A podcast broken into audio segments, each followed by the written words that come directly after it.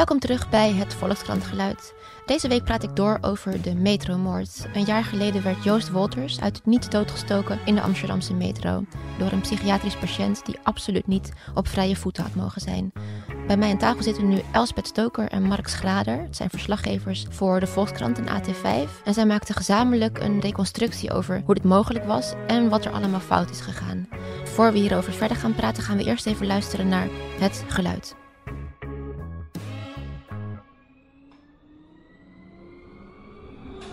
De eerstvolgende metro is lijn 53 richting Gaasperplas. Oké, metrolijn 53 richting Gaasperplas. Eh, De moord was volgens mij bij station Vensterpolder ongeveer ter hoogte daarvan gebeurd. En wiens idee van jullie was het om dit uit te gaan zoeken? Ehm, eigenlijk kwamen we los van elkaar op hetzelfde idee. Ehm, ik had contact met de nabestaanden en Mark van AT5 had contact met eh, Richard Korver, de advocaat. En toen kwamen we dus achter dat we eigenlijk precies hetzelfde aan het doen waren.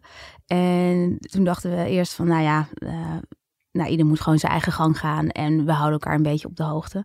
Maar omdat we echt precies hetzelfde aan het doen waren, dachten we, nou, misschien is het toch slimmer om de, onze krachten te bundelen en gewoon samen dit te gaan aanpakken. En dat heeft heel goed uitgewerkt. Volgens mij hebben we elkaar versterkt.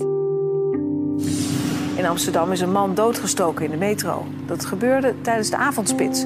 Veel mensen zagen het gebeuren. De politie heeft de vermoedelijke dader aangehouden. De steekpartij was bij de halte Vensterpolder in Amsterdam Zuidoost. Er is geen ruzie aan vooraf gegaan. Iedereen raakte in paniek, rende naar voren. Eh, op een gegeven moment stopte de metro, toen konden we er allemaal uit. Toen hebben we allemaal gewacht op de, op de ambulance. Dat leek heel lang te duren. Het was een hele paniekerige situatie. Niemand wist wat er aan de hand was, wat voor soort incident het ook was. Het was eng, het was angstig. Ja, dus jij was met de familie bezig aan de reconstructie en Mark, jij samen met de advocaat. Ja, ik was samen met de advocaat, maar ook wel met de familie bezig vanuit de rechtszaak. Uh, nou ja, en gedurende dat proces kwamen we er eigenlijk achter dat we daar allebei mee bezig waren. En toen hebben we gewoon contact gehad op een gegeven moment. En dat, uh, nou ja, daar is die samenwerking. Ja, en hoe was het om aan dit verhaal te werken? Ja, heftig. Uh, uh, nou, het contact met Mark ging heel erg goed. We zijn inmiddels denk ik een soort van journalistieke jut en jul. Vorige week hadden we denk ik al dertig keer per dag dat we elkaar even belden en zeiden van nou, wat, je nu weer hebt, wat ik nu weer heb gehoord van die woordvoerder of van dat. Um, maar het was ook wel tegelijkertijd heel schokkend. Aan de ene kant, je hebt natuurlijk uh, het contact met de nabestaanden. En deze mensen zijn gewoon kapot van verdriet. Omdat ze natuurlijk uh, Joost Wolters, hun, hun zoon, hun broer, hun geliefde uh, zijn verloren. En aan de andere kant kom je er dan achter dat de instanties waarbij de dader, waar de dader contact mee had voorafgaand aan, aan de moord. dat al die instanties het helemaal het overzicht niet hadden. En uh, helemaal niet door hadden um, ja, hoe gevaarlijk deze man in potentie uh, kon zijn. En dat ook toen we na gingen vragen, dat het soms ook uh, woordvoerders op eerder gegeven antwoorden terugkwamen. Van dat ze het toch beter hadden uitgezocht en dat, nee, ja, nee, het zit toch eigenlijk zo. En dat vond ik ook tamelijk ja, schokkend. al die stapjes dan misschien ook weer steeds een nieuwe schok voor de familie? Nou, de familie kent het dossier al heel goed. Uh, ze hebben het politiedossier heel goed uh, uh, bestudeerd. Ze hadden na aanleiding daarvan heel veel vragen. Um, ik denk dat we vooral hun vermoedens bevestigd hebben. Ja, ik, denk dat het dan wel voor ons allebei spreekt, is dat we. Um, kijk, wij vinden dit natuurlijk ook verschrikkelijk wat er is gebeurd. Uh, en als je dan met die nabestaanden spreekt, dat is natuurlijk enorm heftig als je hoort wat er in die metro is gebeurd. Uh, willekeurige passagier, Joost, was gewoon op weg naar huis en werd eigenlijk uit het niets uh, doodgestoken. En ik denk dat dat ook wel een drive is geweest voor ons, ook het verdriet en de wanhoop bij de nabestaanden, om nou ja, daarmee aan de slag te gaan. En gedurende nou ja, al die weken dat we ermee bezig zijn geweest, kwamen wij er ook achter dat instanties zelf niet wisten wat er was gebeurd, of hun eigen rol niet kenden, of uh, van elkaar niet wisten wat ze hadden gedaan. En nou ja, daardoor werd de verbazing bij ons ook groter. En ik denk ook uiteindelijk de motivatie om er echt een uh, groot verhaal van te maken, uh, ja, alleen maar groter. We hadden het er gisteren eventjes over van uh, hoe is dat nou eigenlijk allemaal begonnen. Maar de rechtszaak uh, is al geweest. Uh, de dader is ook veroordeeld, niet zo lang geleden. Maar op de zitting werd er ook door de officier van justitie gezegd ja, dat ze te maken hadden met een zwaar psychiatrisch patiënt. Die met de kennis van nu nooit met verlof had mogen gaan. Ook kort na het steken laat de verdachte bizar en zeer wisselend gedrag zien. Eerst blijft verdachte rustig bij het neergesto neergestoken slachtoffer op een bankje zitten. Vervolgens slaat hij op het perron bizarre en dreigende taal uit als... Wacht maar, jullie fucking Colombianen. Ik pak jullie allemaal, ik steek jullie allemaal. Wacht maar tot ik vrij ben. En daarna begint verdachte te lachen. Op het bureau brabbelt hij in zichzelf en barst hij oninvoelbaar bij herhaling in lachen uit, omdat dit volgens hem van God moest. Zoals ik eerder naar voren heb gebracht, hebben we te maken met een zwaar psychiatrisch patiënt, die zeker met de informatie van nu nooit met verlof had mogen gaan. Ja, en als je zoiets hoort, dan, dan weet je eigenlijk gewoon... natuurlijk klopt er iets niet, want er is iets verschrikkelijks gebeurd... maar er zijn nog veel meer fouten gemaakt. En nou, er was al heel lang een soort van stilte rondom deze zaak. En nou, we hadden ook gewoon zoiets van... we willen gewoon precies weten hoe het zit. Het dat uh, Philip O. zijn uh, jeugd-TBS heeft ontlopen? Waarom is er geen internationale signalering uitgegaan op het moment dat hij naar het buitenland ging, maar eigenlijk in, uh, in een kliniek voor jeugd-TBS'ers had moeten zitten? Um, waarom op het moment dat hij terugkwam in Nederland is er geen jeugd-TBS alsnog ik bedoel, dan was hij volwassen, maar waarom is er niet gekeken wat er dan alsnog voor mogelijkheden waren? Ja, en de, de, de, ene kant hebben ze natuurlijk een week de tijd gegeven, de instanties, om te reageren. Maar eh, we hadden ook wel zoiets van, het is ook wel heel frustrerend. Want wij stellen nu allerlei vragen die eigenlijk natuurlijk al lang beantwoord hadden moeten zijn door bijvoorbeeld het Openbaar Ministerie. Want de strafzaak was al afgerond. Dit is uh, zomer vorig jaar gebeurd, 27 juli. Uh, ja, wij komen met vragen ja, die misschien veel uitzoekwerk uh, vergen. Maar ik denk dat je zelf ook kan afvragen, had je dit niet al lang moeten weten? Dus... Ja, dat hadden we eigenlijk verwacht, dat ze dit al allemaal uitgezocht hadden. Maar dat was dus helemaal niet het geval. Nee. In ieder geval die indruk hebben we dat het niet het geval was. Nee, nee het heeft ook wel lang geduurd. Want we hebben ze uiteindelijk nog wat langer de tijd gegeven ook. Uh, ze zijn zelfs nog een keer erop teruggekomen op hun ja, antwoorden. Een dag voor publicatie. Een dag voor publicatie, ja. Ja, ja. ja en dat geeft ook wel aan nou ja, dat ze misschien ook wel met deze zaken in hun maag zitten, maar ook wel dat er dus gewoon uh, nou, heel veel onduidelijk, ook, ook bij het OM zelf was. Ja, en was dat ook een beetje de teneur in de antwoorden, dat mensen zich overvallen voelden hierdoor? Of...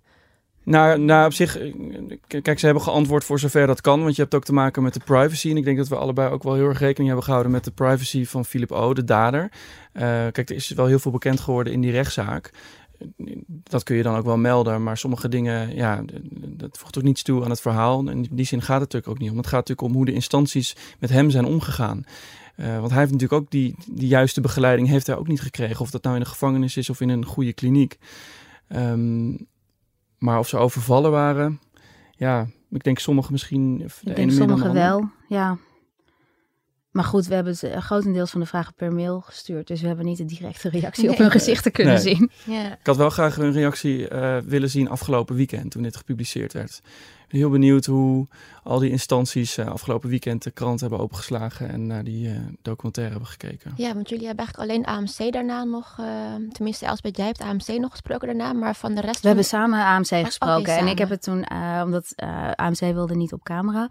Um, uh, dus ik heb het vervolgens uitgewerkt in een geschreven interview. Want als schrijvende journalist heb je daar gewoon meer vrijheid uh, ja, ook, en meer mogelijkheden toe. stond erboven, daarom dacht ik... Ja, nee, daarom, uh, er stond, daarom heb ik wel expliciet samenwerken met AT5. Oh, ik had nog gevraagd, kan mijn naam ja. erbij, maar ja, dat helaas niet. Het voelt heel raar nee, om, om het eigenlijk... Net, mag, nou, niet mijn bedoeling. Nee, grapje, nee, maar ik had graag Mark's naam er ook boven willen zetten. Maar um, het is een beetje raar om, als je niet bij elkaar in dienst bent, om... Um, dan ook uh, Mark's naam bij een Volkshandstuk ja. te zetten of Elspeth Stoker bij een uh, AT5 Was dat niet moeilijk aan de verhaal? samenwerking trouwens, dat je bij twee organisaties zit? Dat is anders dan normaal lijkt me. Nee, het, was, het was voor mij ook de eerste keer. Ja, zo. voor mij ook en dat ging prima. Ja, dat... Zolang we al, ja, we hebben alle twee uitgebreid aan bronvermeldingen gedaan ja. en ja, is prima.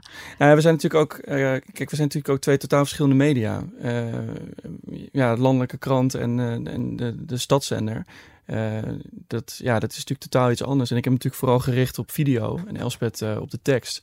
En uiteindelijk hebben we allebei een uitgebreide reconstructie gemaakt, die natuurlijk grotendeels overeenkomt, maar grotendeels natuurlijk ook weer anders is. Dus ik denk dat dat alleen maar heeft geholpen. Maar in de research en alle vragen en alle interviews heeft dat wel heel goed geholpen. Want dat is natuurlijk uiteindelijk gewoon wat je bij ieder medium uh, moet doen. Dus dat was wel heel fijn. Het slachtoffer heeft deze aanval naar alle waarschijnlijkheid niet zien aankomen en heeft zich hiertegen dan ook op geen enkele wijze kunnen verdedigen. Die ziet verdachte opeens inslaan op het slachtoffer en hoort het slachtoffer dan iets zeggen van what the fuck. Philip O. is uh, in februari 2017 uh, vrijgekomen onder voorwaarden. Hij zat vast uh, omdat hij een tankstation had overvallen met een mes. En onder voorwaarden betekent dat de reclassering toezicht op je houdt. En het Openbaar Ministerie is dan eindverantwoordelijk. En een van die voorwaarden was dat hij ge, begeleid zou worden door een forensisch ambulante zorgverlener. Alleen wegens capaciteitsgebrek kon hij daar niet terecht. Dus hij was ondergebracht bij de normale GGD. En, um, en vervolgens gaat dat dus niet goed. En hij uh, bedreigt zijn moeder op 9 mei met een mes. En dan vervolgens wordt hij gedwongen opgenomen.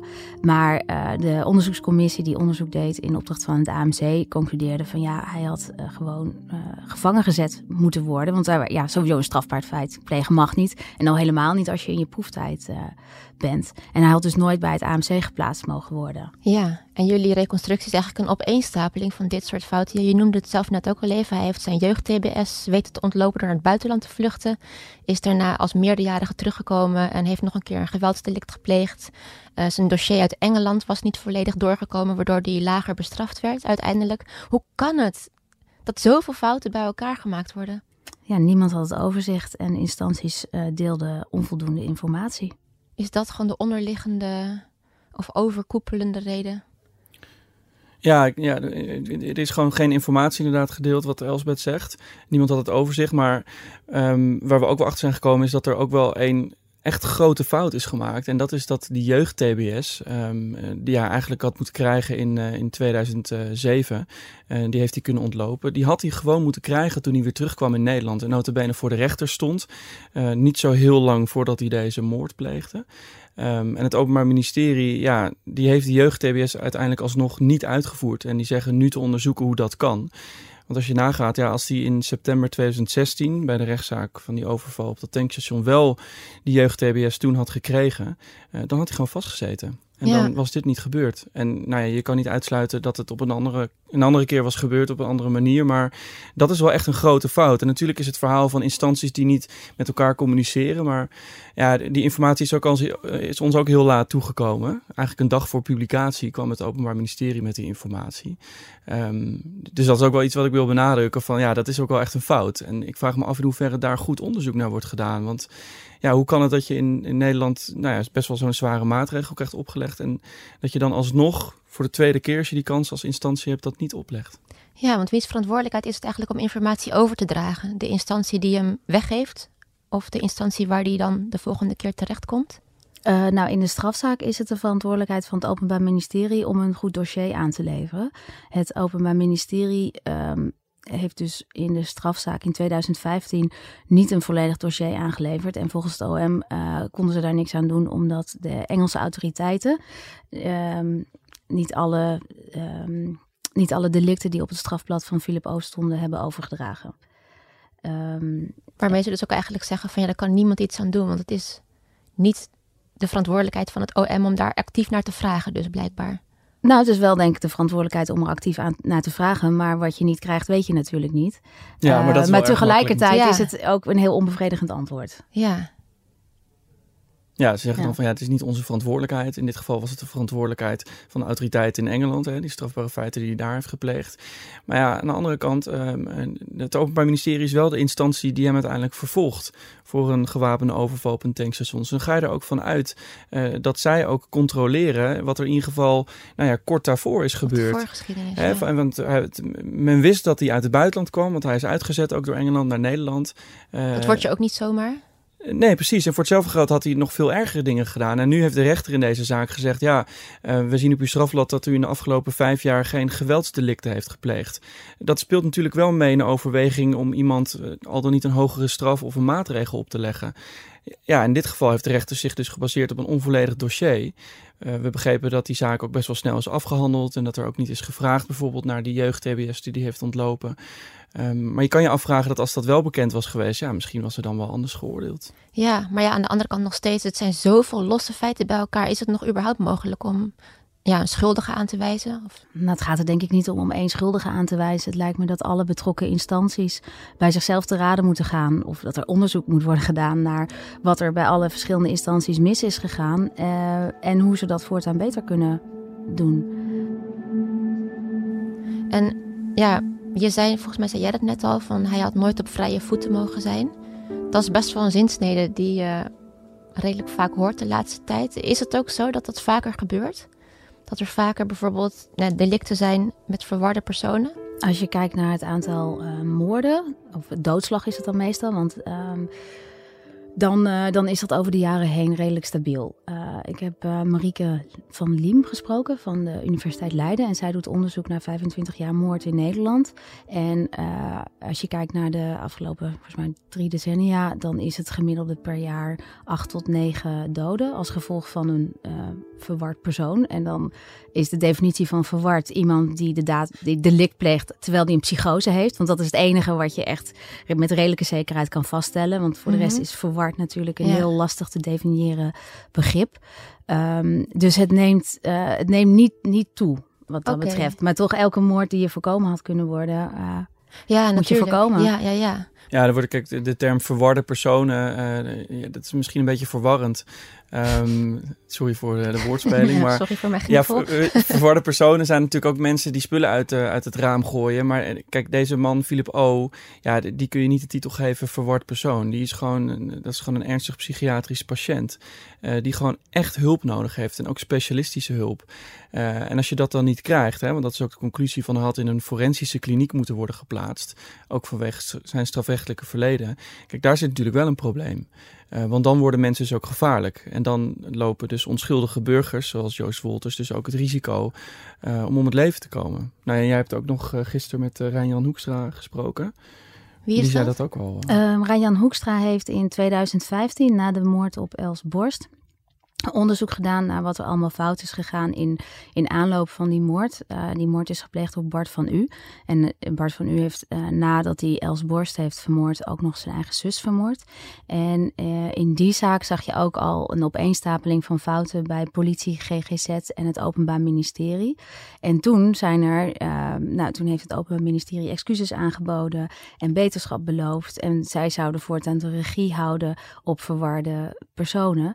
En nou, ik heb gisteren uh, meneer Hoekstra even aan de telefoon gehad. En hij zegt van ja, sommige zijn wel overgenomen. Alleen uh, het gaat me allemaal niet snel genoeg. Er zijn nog heel veel pilots. Terwijl, ik, terwijl Hoekstra heeft zoiets van ja, voer die maatregelen nou alsjeblieft in. Want deze zaak lijkt heel veel op de zaak van Els Borst. Want ook daar was miscommunicatie en werd informatie niet gedeeld. Ja, dus het gaat niet snel genoeg. Je kan niet zeggen dat het mislukt is, maar Nee, het, het moet gewoon, uh, uh, zoals uh, Ranjan Hoekstra zei, de urgentie-app telkens weer weg. Elke keer is er dan, er is dan een moord en dan roepen we allemaal, dit is heel erg verschrikkelijk, dit moet allemaal beter, zodat het hopelijk niet meer gaat gebeuren. En dan een paar jaar later, zoals nu, is er dus weer een moord. En dan, dan blijkt dus dat, dat de urgentie weg is geëpt en dat die maatregelen onvoldoende zijn doorgevoerd. Ja, wat zijn bijvoorbeeld maatregelen die zijn aanbevolen? Nou, um, hij wil heel graag dat politie, uh, het Openbaar Ministerie en de GGZ bij elkaar gaan zitten om te kijken, om een lijst samen te stellen van uh, verwarde, daar is de term wel weer, mm -hmm. verwarde potentieel gevaarlijke mensen. Ja. En um, zodat je samen een plan hebt en samen het overzicht hebt van uh, waar deze mensen zitten en welke hulp ze nodig hebben. Ja. En dat is er tot op heden niet gekomen, blijkbaar. En dat het ook oplicht als zo iemand bijvoorbeeld uh, bij de douane staat om naar Londen te vliegen? Of... Nou, dan zou je denken dat dat wel zou mogen, ja. Ja. ja. Ja, je gaat er toch van uit. Dat, is, nou, dat, dat komt natuurlijk ook naar voren. Dat als iemand uh, in gesloten, uh, op een gesloten afdeling zit met een rechterlijke machtiging. En je wordt gesignaleerd als vermist en je komt bij de douane.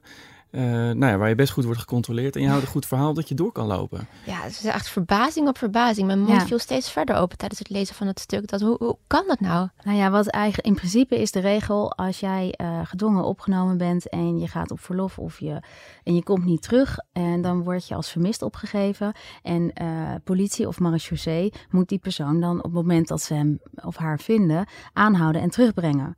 En het lijkt erop dat in dit geval die melding niet goed is doorgegeven waardoor um, de marechaussee er niet van op de hoogte was dat Philip O. gedwongen opgenomen was. En dat hij uh, teruggestuurd had moeten worden of teruggebracht had moeten worden. Het Openbaar Ministerie moet veel meer een regierol nemen. Er zijn zoveel instanties bij betrokken hè, bij, bij, bij, zo'n zaak. Uh, bijvoorbeeld reclassering ook, maar ook uh, het AMC en het Openbaar Ministerie. En juist in zo'n zaak zou het OM dan naar boven moeten gaan hangen en zeggen: we gaan echt goed monitoren en kijken wat er met deze man gaat gebeuren. Hè, want hij is voorwaardelijk vrij. nou, hij vertoont ook verward gedrag en wordt opgenomen met een rechtelijke machtiging. Dat valt weliswaar dan buiten het strafrecht, maar we blijven het toch in de gaten houden. Ja, als je dan hoort in zo'n zaak uh, dat er een, een, aangifte ligt van een verpleegkundige en dat dat dan niet wordt doorgegeven aan het Openbaar Ministerie, ja, dat is natuurlijk wel heel kwalijk. Um, want ja, hoe kun je dan ooit de regie pakken? Dat is, dat is ook natuurlijk heel moeilijk. Um, maar je kan denk ik ook niet zo zeggen van ja, hij zit nu in de ene koker, dus dan hebben wij niks mee te maken. En straks als hij daaruit is, dan komt hij weer bij ons terecht. Kijk, daar gaat het natuurlijk mis. Dat is de situatie nu een beetje, toch? Ja, kijk, eh, want als je uh, uit het strafrecht gaat, uh, maar je bent natuurlijk nog steeds uh, heel erg verward en je hebt al agressief en, en, en, strafbaar gedrag vertoond. Ja, dan is het wel heel makkelijk om te zeggen, ja, nee, sorry, hij is nu bij, onder jullie verantwoordelijkheid. Want het AMC heeft ook zoiets van ja, wij zijn er niet ter bescherming in principe van de maatschappij. Wij moeten zorgen dat deze patiënt uh, nou ja, beter wordt voor zover het kan en zo snel mogelijk weer naar buiten kan. Ja, want die reactie van het AMC, wat ik in jouw stuk, of tenminste in jullie stuk las, maar met jouw naam erboven alleen, um, heb je dus ook gevraagd hoe het beter kan aan het AMC. En hun reactie was, ja, is lastig. Um, als je alle informatie over de patiënt wil hebben, dan tast je hun privacy aan aan de ene kant. En tegelijkertijd, als je uh, besluit een patiënt minder op verlof te laten gaan, dan, ja, dan sluit je eigenlijk ook mensen ten onrechte op. Ja, dat is denk ik de. Dat klinkt ook heel logisch. Het, het, is heel logisch. De, de, praktijk is ook heel erg lastig. En je moet een hele goede balans gaan zoeken tussen, um, tussen de rechten van de patiënt en de veiligheid van de maatschappij. Um, en ik denk dat het verstandig is als je dan om die balans goed te, uh, om die balans te zoeken en om de juiste beslissingen te nemen, dat je dan als AMC bijvoorbeeld in gesprek gaat met politie en het OM en de reclassering, zodat je met z'n allen naar, naar het uh, uh, naar het plaatje kijkt. Dat is ook wat uh, Rijn-Jan Hoekstra aanbeveelt. En hij signaleert eigenlijk dat, uh, dat men in de kramp schiet van uh, ja, wij zijn van de geestelijke gezondheidszorg en wij zijn er om de patiënt beter te maken. Maar hij zegt ook, ja, we zijn er, al die instanties samen zijn er ook voor de veiligheid van de maatschappij. Ja, jongens, heel erg bedankt voor jullie komst. Graag gedaan. En uitleg.